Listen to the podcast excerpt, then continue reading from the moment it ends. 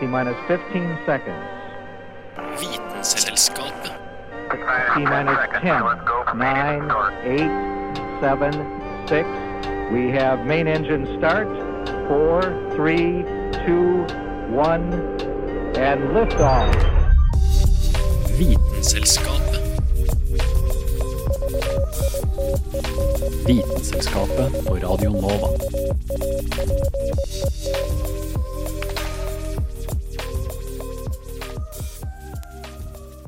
Endelig ei sending om det vi alle sammen ønsker oss her mest i verden, nemlig luksus. Du kan jo spørre deg sjøl hvordan kan ei sending til Vitenselskapet handle om luksus? Og det skal du få finne ut av veldig straks. Mitt navn er Ida Katrine Vassbotn. Vitenselskapet. Vitenselskap. Vitenselskapet. Vitenselskapet. Vitenskapet. Gull for meg er synonymt med smykker, ringer, øredobber og ting som er gullbelagt, blir ofte omtalt som litt luksus. Vi har jo til og med gullbelagt sølv. Vi spiser jo gull. Eh, Vi tar jo gull på huden for å få en eh, tilsynelatende gullglød.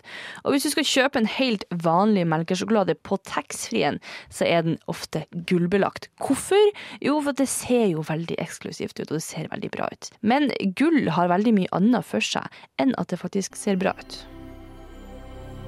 Det eneste metallet med gull skinnende farge, som man benytter i de viktigste smykkene og praktgjenstander.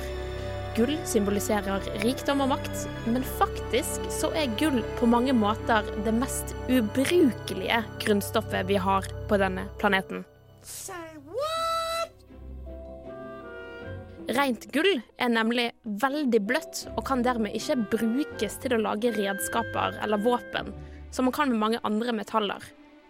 Det er faktisk så bløtt og fleksibelt at ett gram gull kan trekkes ut til en tre kilometer lang tråd, eller bankes ut til en tynn folie på én kvadratmeter.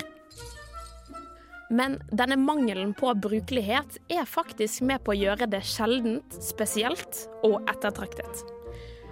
Gull er nemlig veldig stabilt og reagerer ikke med luft, sånn at overflaten er like fin over tid. Den blir ikke svart som sølv eller grønn som kobber. Den vil heller ikke ruste som jern. Gull kan ligge nede på havets bunn i flere hundre år og være fortsatt like fin. Denne egenskapen gjør at gull er et ypperlig metall til å bruke i elektroniske utstyr. Siden den ikke reagerer med luft, så unngår man overflatebelegg som reduserer kvaliteten. Faktisk så brukes over 100 tonn i året til dette formålet. I tillegg benyttes tynne gullfilmer som strålingsskjold. Gull reflekterer nemlig 97% av infrarød stråling, og dette benyttes i enkelte typer glassvinduer som belegges med en tynn gullfilm.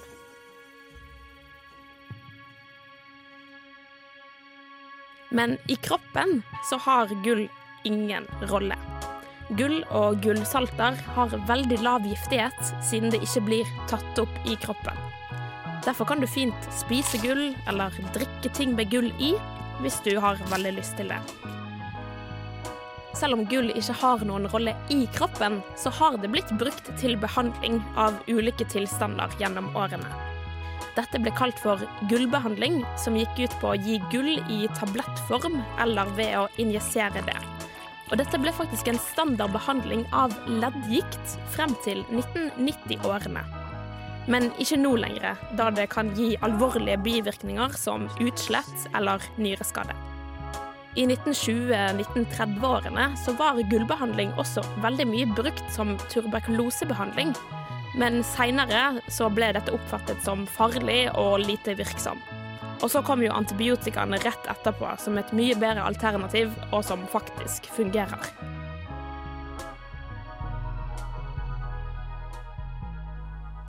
Men gull har også andre roller innenfor biologien. Ikke i vår menneskekropp, men når man skal transformere planter, som er når man overfører ett gen fra en organisme og inn til en plante. Det finnes nemlig noe så kult som heter genkanon. Prinsippet er at mikroprosjektiler, altså kuler av gull, blir dekket med DNA fra én organisme, f.eks. E. coli-bakterie. Og så deretter blir den skutt inn i intakt plantevev eller cellekulturer. Partiklene får så høy fart at cellevegg og cellemembran punkterer. Partiklene med DNA-et kan dermed trenge seg inn i plantecellene. Genkanoner ble utviklet på 1980-tallet og er i dag vanlig til å bruke når man skal transformere matplanter som mais, bygg, hvete og ris. Gull er som nevnt veldig stabilt, og da også ekstremt motstandsdyktig mot kjemiske angrep. Og faktisk så er det kun én løsning som finnes som kan løse opp dette metallet. Og denne løsningen kalles kongevann. Kongevann er ikke så fint som det høres ut som. Det er en gulbrun, skikkelig aggressiv væske som består av konsentrert saltsyre og konsentrert salpetersyre, som er noen av de sterkeste syrene som finnes. Siden dette er det eneste væsken som kan løse opp dette kongelige metallet gull, så fikk det navnet kongevann.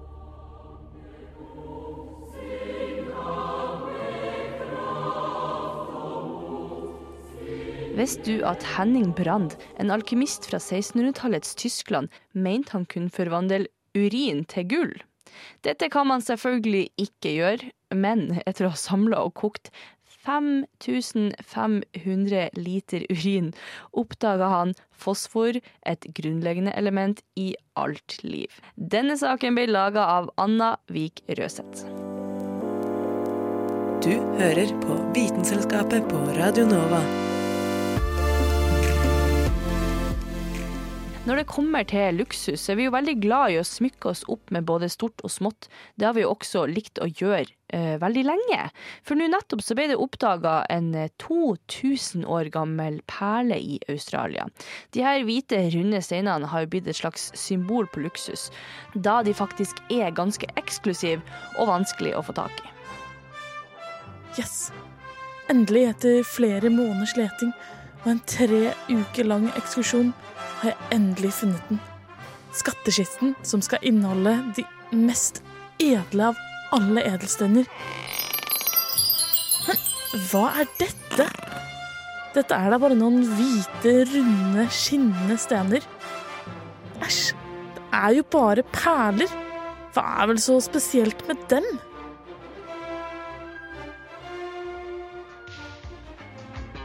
Jo, det skal jeg fortelle meg selv. Perler er nemlig de eneste edelstenene som blir produsert av en levende organisme. Bortsett fra de billige plastperlene du kan få kjøpt, så blir alle perler produsert inne i muslinger. Og enda mer utrolig er det at man bare finner naturlige perler i ca. én av 10 000 ville muslinger. Ja, for det finnes faktisk tre forskjellige typer perler. Naturlige, kultur og imitasjonsperler. Imitasjonsperlene er ofte glassperler som er blitt malt i en skinnende hvitfarge, og de er som regel veldig billige. Men hva med forskjellen på naturlige perler og kulturperler? For å forklare det må vi først forklare hvordan perler blir til. Ariel, listen to me. The human world. Vi skal nemlig dypt under havet. Dit hvor muslinger bor. Til vanlig koser den seg her med plankton og annet dødt organisk materiale fra vannet. Men av og til klarer den ikke helt å filtrere bort alle sandkornene fra havbunnen, og ett blir sittende fast mellom kappen og skallet til muslingen. Dette sandkornet blir sett på som et fremmedlegeme, og muslingen vil prøve å beskytte seg ved å utskille et lag med perlemor rundt sandkornet. Etter flere lag med perlemor har endelig en perle dannet seg. Men det tar lang tid. En perle på størrelse med en ert kan ta ca. 10-50 år å formes. Det er nå vi kommer til forskjellen på naturperler og kulturperler. Naturperlene er disse som formes av sandkorn eller andre organismer som tilfeldig infiltrerer muslingen. Kulturperler derimot er dannet i samarbeid med mennesker, som plasserer en del av en annen musling inn i muslingen som skal produsere perlen, i håp om at den skal danne et perlemorslag rundt den. Ettersom det tar så utrolig lang tid for perler å formes, er de også relativt sjeldne, og har pga. dette fått en veldig høy verdi på markedet. Enda mer verdifulle er de naturlige perlene, som er et gullfunn i seg selv. Det er flere faktorer som avgjør prisen på en perle, som fargen, størrelsen og hvor skinnende den er. Noen av de aller fineste perlene i verden blir solgt for flere millioner dollar. Om det er en nyttig bruk av så mye penger, får du avgjøre for deg selv. Naturlige perler får ofte en uforutsigbar form, som ofte er dråpe eller en pæreform. Og det er jo egentlig nettopp der navnet kommer fra. For du skjønner det at det latinske ordet perla betyr nemlig pære. Det var Julianne Li Fjell som laga denne Å saken. vite vet Vitenselskapet.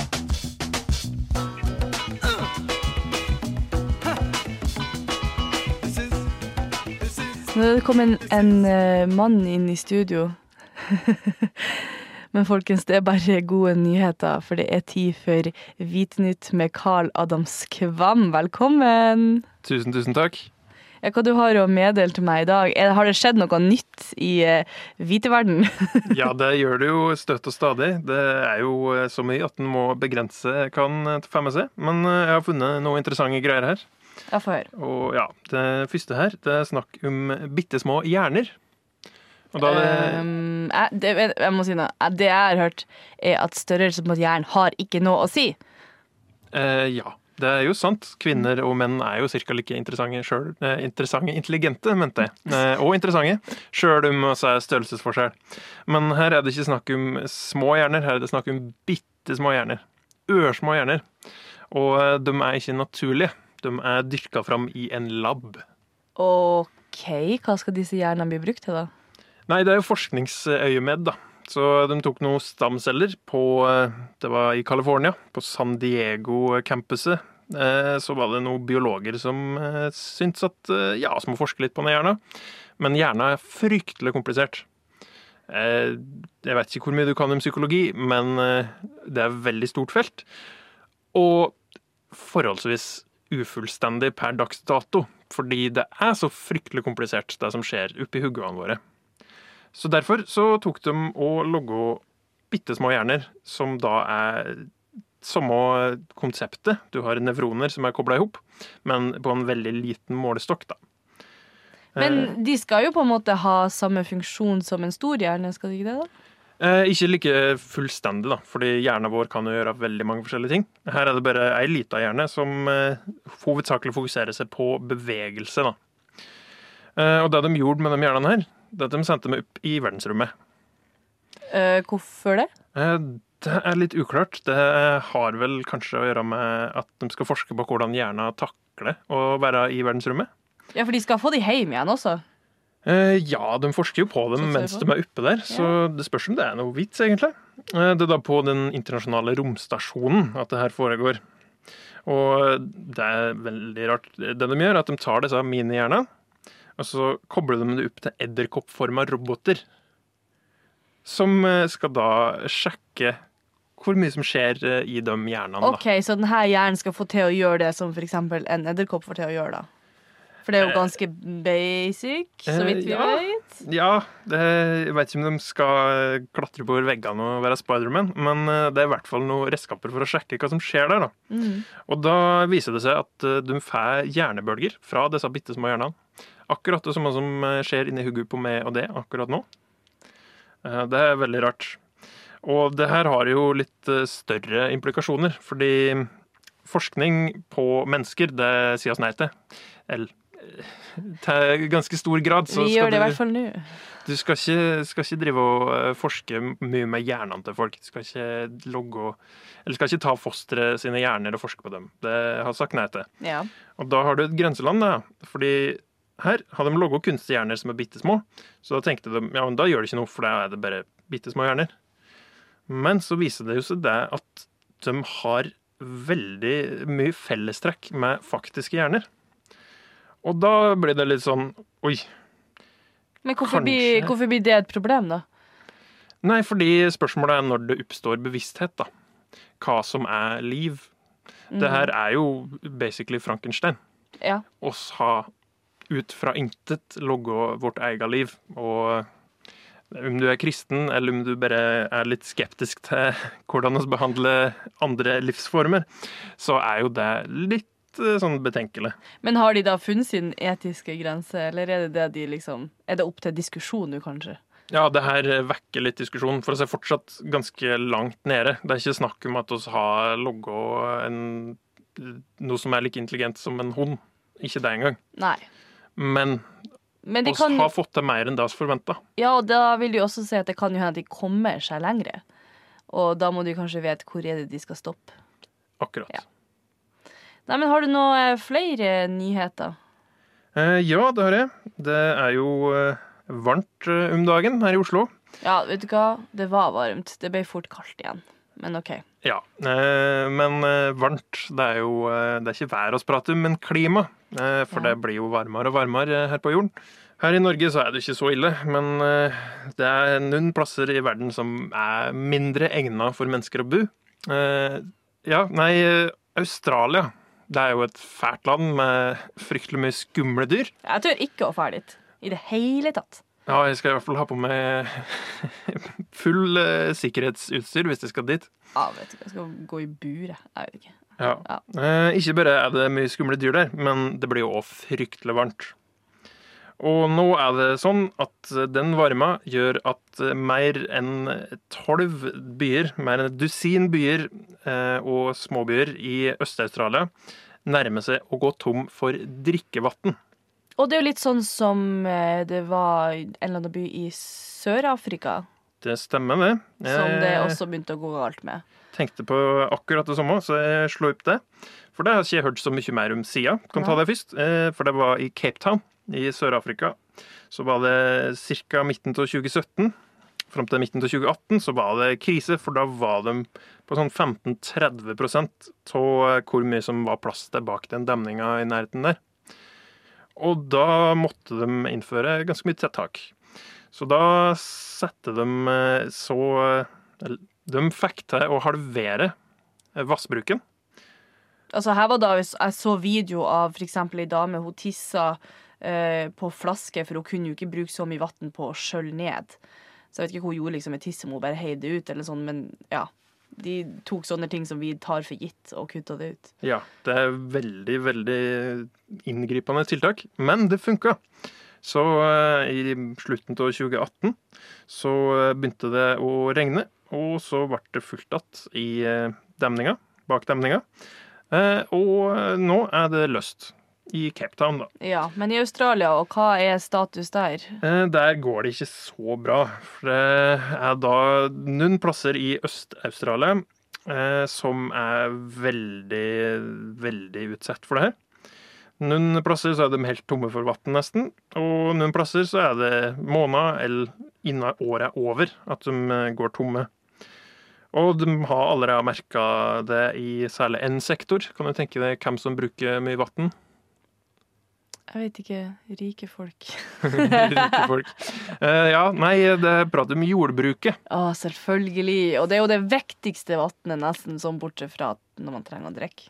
Ja, det, det er sant. Trenger litt mer for å vatne plantene enn for å drikke. Ja. Men eh, problemet er jo da at eh, i Australia så er det jo turt i utgangspunktet. Det er ikke alt som vokser der uten at du vatner det. Så for eksempel eh, sitrongårdbrukere har måttet bare sagt nei. Foreløpig så går det ikke an, for det er for lite vann. Og det gir jo mening, fordi at ikke for å være den personen, men man trenger jo egentlig ikke sitron så mye. Eh, Ja, men altså, du kan få i deg mange av de vitaminene andre plasser, og det, det gir ikke så mye næring. Så fornuftig gjort av de, vil jeg si. Ja, det, det er sant. Eh, Det er jo ikke sånn at ressursene blir sløst bort. Men når det er, går utover næringa, så eh, blir det veldig merkbart for lokalsamfunn. Men får de kanskje grodd noe annet, da?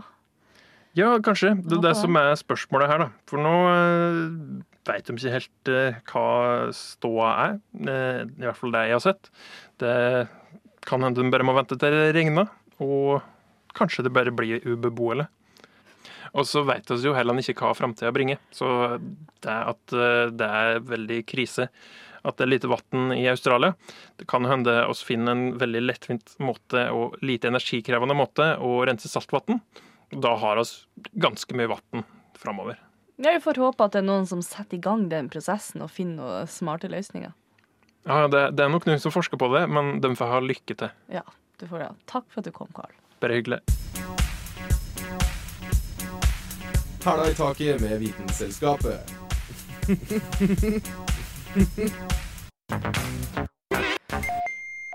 Folkens, folkens, folkens. Nå er det under 100 dager igjen til det er jul.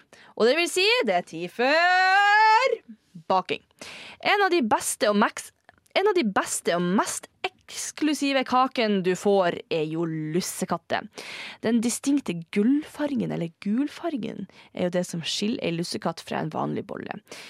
Og det er jo faktisk det som gjør at prisen stiger på lussekatt i forhold til en vanlig bolle. Det som er litt dumt, at eh, mange gjør feil, er at de tar gurkemeie for å få denne fargen. For at det ordentlige krydderet som er i lussekatter, er litt dyrt. Det er jo faktisk verdens dyreste krydder som setter den gjenkjente smaken og fargen på lussekatter, nemlig safran. Det er høst, og i Iran står det en vakker safrankrokus i full blomstring. De lilla kronbladene til blomsten omkranser griffelen i midten. Denne griffelen, eller pollenbæreren, ender i tre røde trådlignende arr som stikker ut av blomsten. Men denne vakre safrankrokusen skal dessverre ikke få lov til å stå og flotte seg. Den siste timen har kommet, og blomsten skal bli høstet inn. Så fort krokusen har blomstret om høsten, blir blomstene samlet inn. Og de 20-40 mm lange griffelspissene med arrene dras ut og tørkes over svak varme. Disse lange røde arrene, det er det vi i dag kjenner som krydderet safran.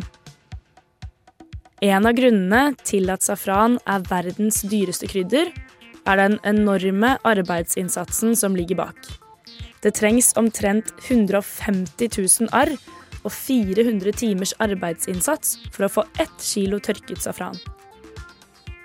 I dag er det Iran, Spania og India som produserer aller mest safran. Siden safran er så ettertraktet, blir det ofte forfalsket med gurkemeie eller andre lignende planter. Et triks for å sikre seg at man ikke kjøper forfalsket safran, er å kjøpe safranen hel, altså ikke i pulverform. For da kan du jo se de røde trådene med egne øyne. Safran har blitt brukt som krydder, medisin og fargestoff helt siden antikken. De rike i Romerriket sov på puter som var fylt med safran, i håp om at det ville lindre bakrusen. Og i gamle norske legebøker var safran et råd mot både skjørbuk, pest og drukkenskap. I dag brukes safran i urtemedisin i form av te som skal virke varmende og hjertestyrkende. Denne teen kan visstnok også inntas for å bedre fordøyelsen, få i gang menstruasjon eller drive ut svette.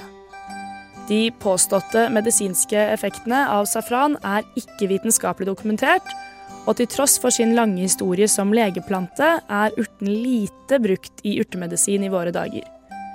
Det er nemlig lett å finne andre og billigere planter med samme evne til å fremkalle menstruasjon, behandle menstruasjonssmerter og som virker beroligende ved dårlig fordøyelse og kolikk. Når det er sagt, så er safran også giftig i større doser, og egner seg derfor ikke til selvmedisinering. Tidligere ble safran brukt en del som et abortfremkallende middel, Så ja, jeg tror kanskje vi skal holde oss til safran i gode lussekatter og paella. Ja, disse gode, deilige spanske, franske, italienske risrettene. Og nyte det som et luksus hverdagskrydder. Det var Aurora Caroline Thommessen som hadde laga denne saken. Ti år, ti år uten å bli avslørt. Og jeg hadde kommet unna med det også. Jeg hadde kommet unna med alt. Om det ikke det var for disse brysomme snusene. Kristian, du kan ikke tro på dette. Din masse båter. Hvordan våger du? Vitenselskapet hever forskningen, senker svindlerne. Hvordan var egentlig flygeøglenes forhold til fugler og flaggermus? Og hva, kan man egentlig si at ø, flygeøglene var bortskjemte luftens herrer? Dinohjørnet gir deg svaret. Evnen til å fly, for en frihet. Hevet over landskapet er du din egen herre og mester. Fri til å ferdes i fire dimensjoner, opp, ned, høyre og venstre. Luftens budbringer, vinden selv, bærer deg lekent gjennom himmelens tomrom, og du kan besiktige verden fra våre fjærkledde venner fuglenes perspektiv. Vi mennesker, primaten Homo sapiens, har på mange måter mestret evnen til det som på fagspråket kalles opprettholdt flukt, altså evnen til å fly. Ikke bare glidefly gjennom kunstige motorer og vinger, grunnet for aerodynamiske teknologi og kraftige maskiner som kommer med nødvendige kontinuerlig dytt. En stor luksus har vi da, gjennom vitenskapelige revolusjoner, evnet å komme frem til, nemlig erobringen av luftrommet. Men vi hørte fra naturens side ikke til her, og det vi ser på som en luksus, ser andre dyr på som en dyd av nødvendighet, da de gjennom evolusjonens eonlange løp utviklet evnen til selvopprettholdt flukt selv. En av disse dyregruppene er vi meget kjent med i våre dager, nemlig de tidligere nevnte fuglene, som har blitt referert til av alle og enhver menneskelig sivilisasjon, ofte som symboler på nettopp den friheten som er assosiert med flyving. Men fuglene er ikke de eneste. Flere hundre millioner år før fuglene regjerte insektene i luftrommet, med sine mange former og vingeformasjoner. Og etter hvert var det en spesifikk reptilgruppe som utviklet evnen til å fly. Også disse før våre kontemporære avianske venner, nemlig flyveøglene. Det er uvisst hvorfor denne gruppen reptiler utviklet evnen til å fly, da det nesten alltid må en viss evne spekulasjon inn i slike beretninger for å fylle inn de hullene det nødvendigvis er i evolusjonshistoriens bok. Når det kommer til fuglene og deres utvikling, etter hvert flere missing links, som hver er med på å fylle inn sidene i livets historiebok. Som som den første og mest berømte, Archeopteryx, som først så ut som en liten tobent rovdinosaur med usedvanlig lange lemmer, før man fant ut at lemmene og halen faktisk hadde gitt avtrykk av fjær. Archeopteryx, urfuglen, kunne mest sannsynlig fly, i hvert fall pun intended glidefly. Senere ble fuglens vinger modifisert, forbedret, og sammen med naturens egen teknologi, fjær, perfeksjonert til det vi ser i dag. Flyveøglene, som ofte deles inn i de berømte pterosaurene, pterodaktylene og ramforinkoidene, var de første virveldyrene som utviklet evnen til å fly, og det lenge før fuglene, noe som er en bragd i seg selv. I dag har vi da tre grupper av virveldyr som har utviklet denne luksuriøse, men komplekse evnen. Én utryddet, flyveøglene, som døde ut med dinosaurene, og to nålevende, de varierte fuglene og de vellykkede flyvende pattedyrene, flaggermusene. Det interessante er at alle disse tre flyvende dyrene utviklet denne bemerkelsesverdige evnen parallelt, men uten å være i nærheten av beslektet. Noe som på fagspråket kalles konvergent evolusjon. Deres vinger er forskjellige modifikasjoner av lignende underliggende benstruktur, med kraftig variert utforming i flaggermusens lange fingre, flyveøglenes lange underarm og ekstremt lange lillefinger, og fuglenes lange arm pluss fjær. Det som er tilfellet, er at flyveøglene ser ut til å ha fylt alle nisjene dagens fugler gjør, og med sine 162 millioner år på vingen var minst like vellykkede som deres fjærkledde venner. Flyveøglene var virkelig bemerkelsesverdige, da de minste var like små som spurver, og den største, den veldige Quetzalcoatlus, når den vandret på land, var like høy som en sjiraff. For disse luftens øgler var ikke flyving en luksus, men en nødvendighet. En nødvendighet som ble omfavnet med den største tilpasningsdyktige iver. En nødvendighet gjennom hvilke de erobret et domene som nå hører fuglene til. Denne saken ble laga av Dag August Smedling Dramer.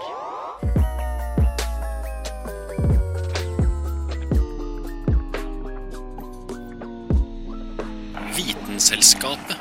Da var dagens sending over. Vi er tilbake om ei lita uke med litt mer vitenskapelige fakta om ting du absolutt ikke lurte på, og det du kanskje lurte på. Mitt navn er Ida Katrine Vassbotn. Ha det så lenge. Selskapet.